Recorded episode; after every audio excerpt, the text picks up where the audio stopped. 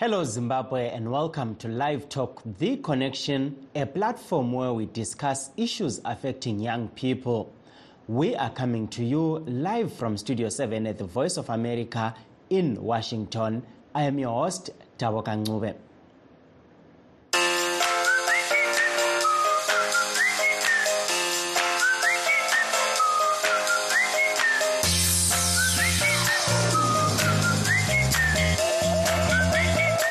Today, we are looking at the opening of schools as the 2024 first term kicks in amid many challenges. But first, let's look at what's happening elsewhere.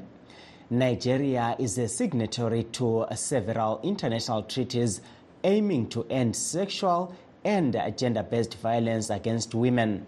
However, the problem persists. Now, some want new laws to hold offenders accountable. Timothy Obiezu has this story from Nigeria. Inside these walls in central Nigeria's Plateau State are women seeking refuge from sexual violence. Stella Kenneth was raped by her father in 2017 when she was 10 years old. My father started touching my body, and it, one day he he called me aside after our devotion and he said, I'm trying to teach you what life is. So no guy will come and deceive you. I love you. I was scared that if I tell it out, my father is gonna beat me and will stop paying my school fees. The abuse continued until last year when Kenneth told a family friend what was happening and they reported it to the authorities who arrested her father. She says the experience impacted her self esteem. When I came, I was not friendly. I was kind of rugged. Not like, I mean, what I mean rugged, not too that kind of socialize. Always kind of be like a bad person, like bad girl.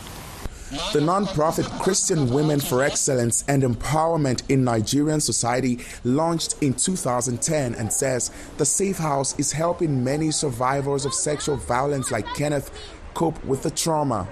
Violence against women and girls is on the rise more than 20 years after Nigeria signed the Maputo Protocol, an African charter on women's rights.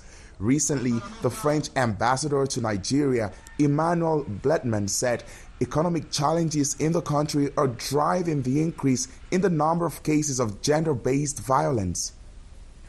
18 year old Kachola Musa says she was raped by her uncle eight years ago.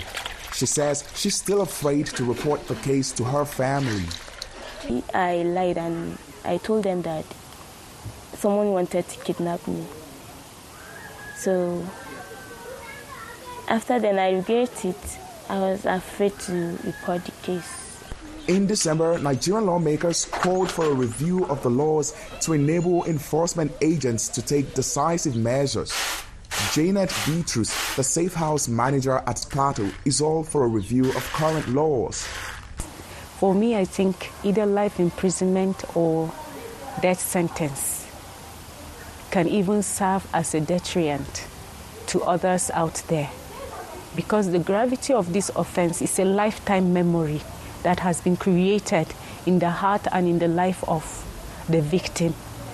Beatrice says harsher laws and stronger enforcement could act as a deterrent and help women here feel safe. Timothy Obiezu, VOA News, Jos, Plateau State, Nigeria. In other news, uh, Hezbollah today launched a drone attack targeting Israel military base in retaliation for the killing of a top army commander and the deputy leader of Hamas. According to the uh, Associated Press, Gaza authorities say over 22,000 innocent civilians have been killed in the strip since the war started last October. The United States uh, President Joe Biden has no intention of firing Defense Secretary Lloyd Austin after Austin failed to publicly say he was hospitalized and did not disclose his medical issue, says National Security Council spokesperson John Kirby. For those that have just joined us, please note that we are streaming live on our Facebook pages VOA Shona, VOA Studio 7, and VOA Ndebele. We are also live on YouTube, VOA Zimbabwe. Please uh, stay tuned as we take a brief break. In times of change, when the world seems uncertain and what we hear doesn't reflect what we see, we seek the truth. When we are told only part of the story, we lose trust. In moments of crisis, our dreams, hopes, and wishes for a better tomorrow depend on a free press.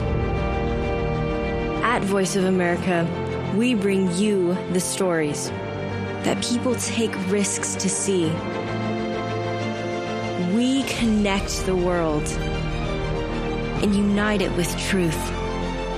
At Voice of America, we show you the whole picture.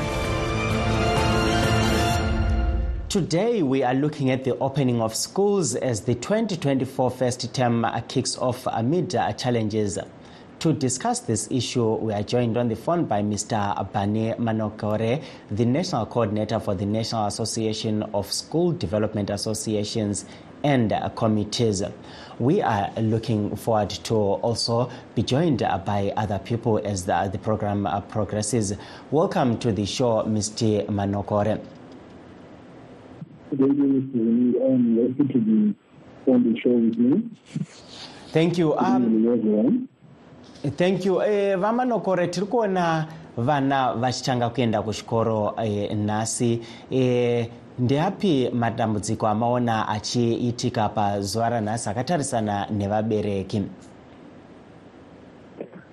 Eh, tinotenda zvikuru chakaona nhasi chizhinji ndechekuti kune vamwe vana vanga vasati vawana nzvimbo. Kuda dzegrade one fb nevamwe vanga vachitransfera vanga vachimbomhanya mhanya kuti vatsvage nzvimbo muzvikoro zvakasiyana siyana vamwewo vanga vane matambudziko ekuti maschool fees avanga asiri kukwana vamwe vanga vasati vane maschool fees anga ati abhadharwa apo nepapa zvisinei hazvo vana vese vanga vatsvaka nzvimbo vachinge vangakwanisa kuziwana nekuti nzvimbo zhinji dzanga dziripo avo vanga vasina kukwanisa kubhadhara mafees evana malevis evana vakazitaurana nemahedzi vachita payment mani kuti vaone kuti vanobhadhara sei zvedu maautstanding levels yayo saka kukatanga hatina kuona zvinoita mupini zvakanyanyisa. Zvingaite kuti bhii dzeitsvadzike kuita zvinhu zvose zvafamba nemafambiro akanaka.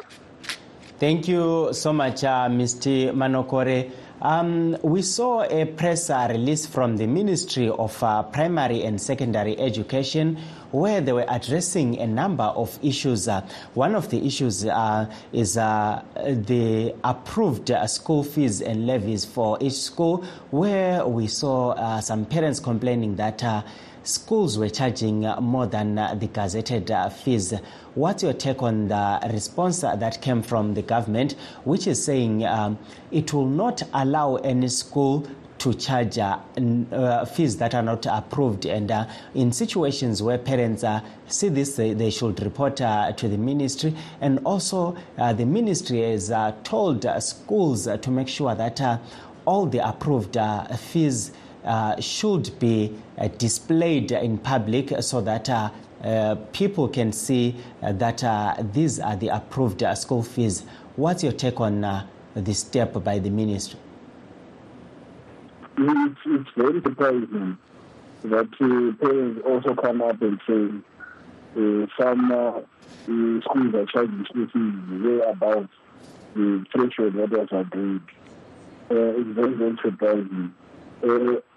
Under normal circumstances, where such issues occur, we encourage parents to go to revert back to the offices of the district school inspector, the provincial education director, or to the mainline ministry or the head office or the permanent secretary's office to highlight to them to say this is what is happening at school A or school B. If the issues of levies, levies are agreed upon by parents at, the, at their annual general meeting to say this is what we must pay, termly and annually. and they took their budgets, uh, the minute inclusive register of attendance and so forth taken permanent secretary for approval. Once the fees are approved, then those fees that are approved are the ones that should be paid. Any other fee that has not been approved should not be charged. And uh, the, the procedure for any or adjustment to the budget is very clear to all school authorities and SDC. The, the, the students are supposed to follow that all the next general, general meeting states to the reason between all the parents as to, uh, during the school parent assembly as to why such an increase is warranted. And they must agree and accept the fact that all parents are able to pay they, are not supposed to charge the, the mortgage unilaterally or just make a decision unilaterally without consultation. They should be have consultation and then an endorsement by by those parents to say yes, the the this adjustment is what we agree agreeable to on top of what is already there. And then they submit that to the office of the permanent secretary through the DSIs and the PEDs for approval. Once such fees have been approved, then they should be charged. So we are encouraging parents to say where they are being told to charge any other fees that are outside those that have been uh, approved by the permanent secretary. Rightly so, they should revert back to the unity to put forward their, their complaints. And we are encouraging all the chairs, the future persons to make sure that they stick to what the government, the policy says in terms of fees and levies. And where they are having challenges in paying, paying their fees, they should sit down with parents and uh, these parents should actually also come up with uh, payment plans to ensure that they offset their fees. We are encouraging parents to pay their fees, not to pay for extra lessons. Those extra lessons have not been approved by the ministry to pay, pay this much yet. So this is, this is the position. Thank you, Mr. Manokore. Uh, fortunately, we are joined uh, on the phone by uh, Mr. Munyaradzi Masiwa, the Deputy Secretary General of ARTUZ. Welcome to the program, Mr. Masiwa. Thank you so much. Uh, thank you so much. Uh, good evening, Zimbabwe. Um, Mr. Masiwa, you joined a bit later, but uh, we are looking at uh, schools uh, that have just opened today, uh, taking a youth perspective where we are looking at uh, how all these issues that are happening are affecting uh, young people. maybe as we'll start with where we have seen so many uh, challenges surrounding the opening of schools over the years. Uh, we've seen uh, teachers sometimes uh, saying, no, we are not going to teach, and um, that's the same case that is happening uh, this year as well. Maybe my question to you will be in all this, who is the biggest loser, and what needs to be done to help the biggest loser? Oh, pardon, come again with your question. Um, my question is that we have seen challenges around um, uh, schools opening where um, the government is saying this, uh, teachers are saying this, and uh, parents are also facing uh, some challenges.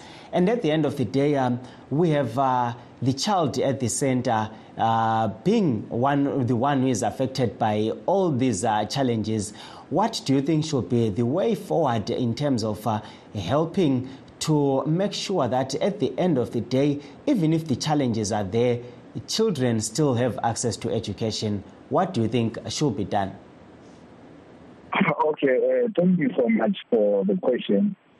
Right, uh, first thing first, I think and believe that if the government uh, respects the constitution, we have the constitution in Zimbabwe, which guides us on how education must be given to learners. It states clearly that the government, the government must fund education. So it is provided for in Section 75 that the government must fund basic education.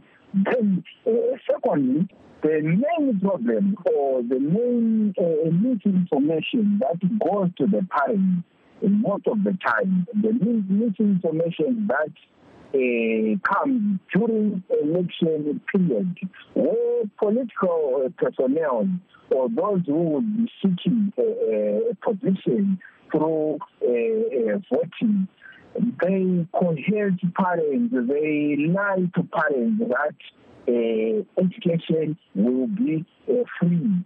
So some say there is no free education, right? It's partly true because education must be funded by the government. That must be uh, clear. So when uh, schools open, always it's always the parents who find themselves at the gate of the school. Uh, they find their their children being turned away. Why? Because schools demand a, a, a fee from learners. Why? One is because the government is not funding education. Why men, why parents also goes all the way to the opening day uh, without preparing much for their learners. It is because there would have been a promise lies by politicians that uh, education is free. So sometimes they don't. Can you um, can you hold uh, that thought, uh, Mr. Masiwa? We'll come back to you uh, in a moment. Uh, let's take a caller. Hello, caller. You're, you're welcome on the program. Yes. Uh,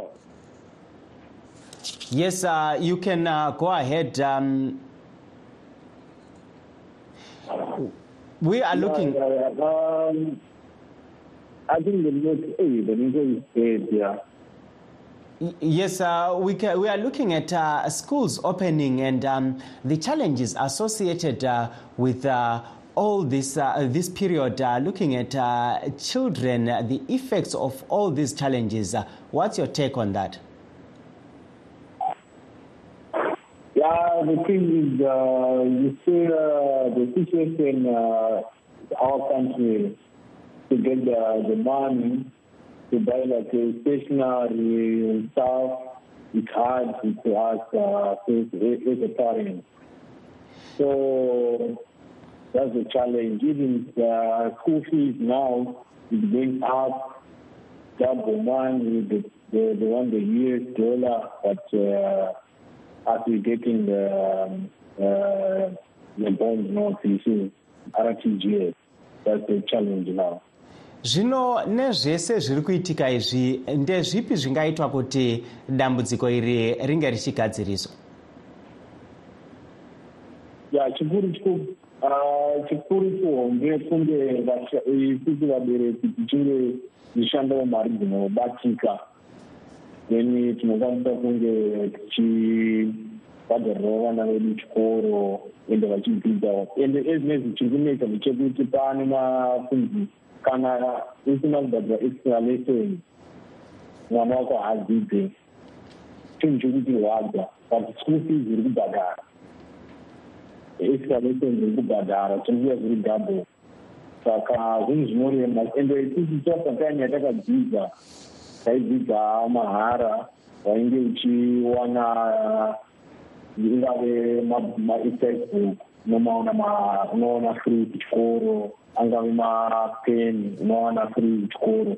But mukore uno wataakurarama manje ende nechallenge yataakusangana nayo munyika ndo chinhu chiri kurwadza manje chekuti vana vedu havachatodzidze kana tisina mari kana ndichitori murombo mwana haachatodzidze tinotenda uh, coming back to you um, vamasiwa you can uh, go uh, we can uh, continue there uh, with uh, what you were saying. And also um, there's a contribution from a caller who is saying uh, the other challenge that we have is uh, extra lessons where we are seeing teachers saying no uh, if your child has not paid for extra lessons then uh, they cannot uh, learn they cannot benefit as uh, teachers are mainly focusing on extra lessons than on their uh, main job which is uh, teaching uh, during the day. What's your take on that as someone who represents teachers No, thank you so much. So you realize that the government is uh, becoming a chief architect of this uh, educational crisis.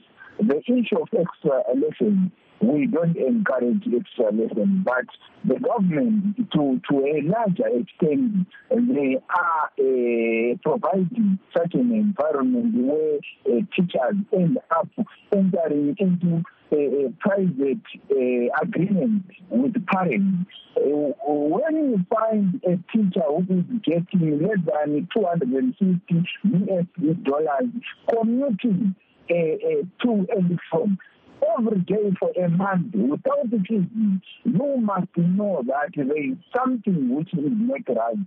So the government, if, if the government manages to pay just a living wage to teachers, that will be a motivated uh, way of saying stop all these extra uh, uh, lessons. So uh, going back to what I was uh, trying to raise, where the government is between the parents and the school administrators. On the other hand, the government is giving school administrators information that they are free to raise fees, they are free to charge in the United States dollars. On the other hand, they are going to the parents and saying, there is education. Education is free in Zimbabwe. No one must be turned away from school. But the government is not uh, funding education. Thank you. Um, so our, our, yes, you can okay. you can finish off. Um, thank you, there, uh, Mr. Masiwa. Um, you heard uh, what he had to say, Mr. Manokore. What's your take uh, as someone who is representing uh, parents? Uh, what's uh, your take on what Ma- Mr. Masiwa was saying, especially on the extra lessons issue? On the sorry, on the school fees issue. Yes. Um, what we are basically saying is that uh, we are in a catch-22 situation. Um, the on one side, you, you, you, you heard what Mr. Masiwa said, that the best teachers, they are, they are employees of government the, the, law is telling disputes between themselves and their employer, which is government. And the dispute is putting us at, at the mercy of the king. On one hand, uh, government uh, one, uh, government also requires us to be paying school fees, irrespective of the fact that the Constitution uh, through Section 27 and the Bill of Rights that uh, our education is free. And on the, on the other hand, we also have teachers who are then charging for extra lessons. And what is, what is happening in most cases is that if you look at what a child is paying as lesson, uh, you calculate it, they are paying, for instance, schools around Harare.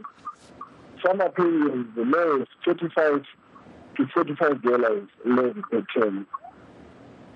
But a teacher who is providing extra lessons school is charging $5 per week. You add that, it becomes $20. And almost uh, what the teachers are charging is actually doubling the, the, what, the, what the parents are paying as lessons. So we found ourselves in a very in, in a very precarious position that we need to satisfy both. On one hand, we sympathize with our teachers because of uh, the nature of the conditions of things that they survive.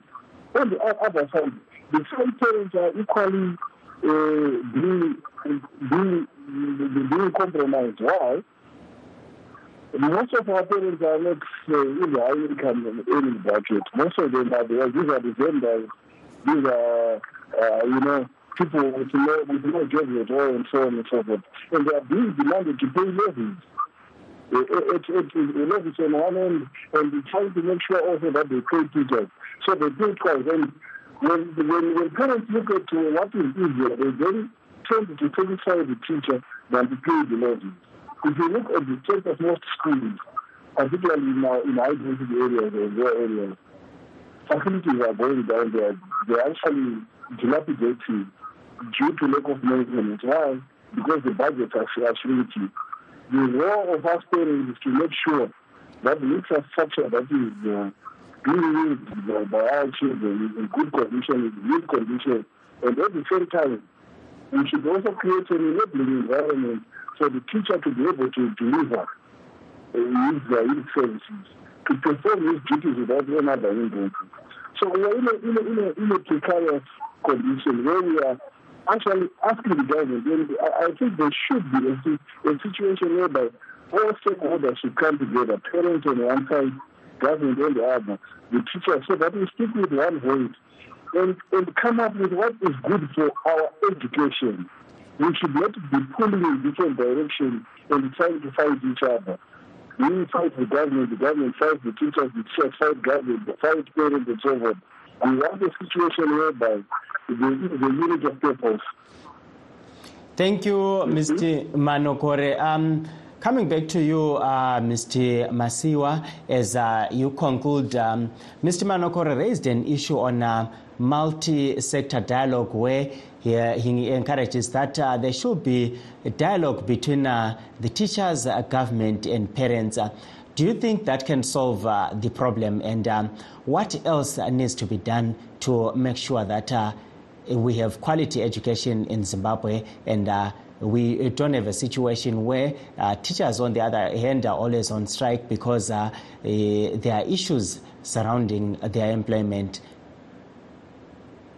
I, I, I Anokore, 100% that all stakeholders in education must have a, a collective a dialogue, a genuine dialogue where uh, whatever is going to be discussed in that dialogue must be implemented uh, genuinely without any party doing uh, uh, trying to play uh, political ball with uh, another party.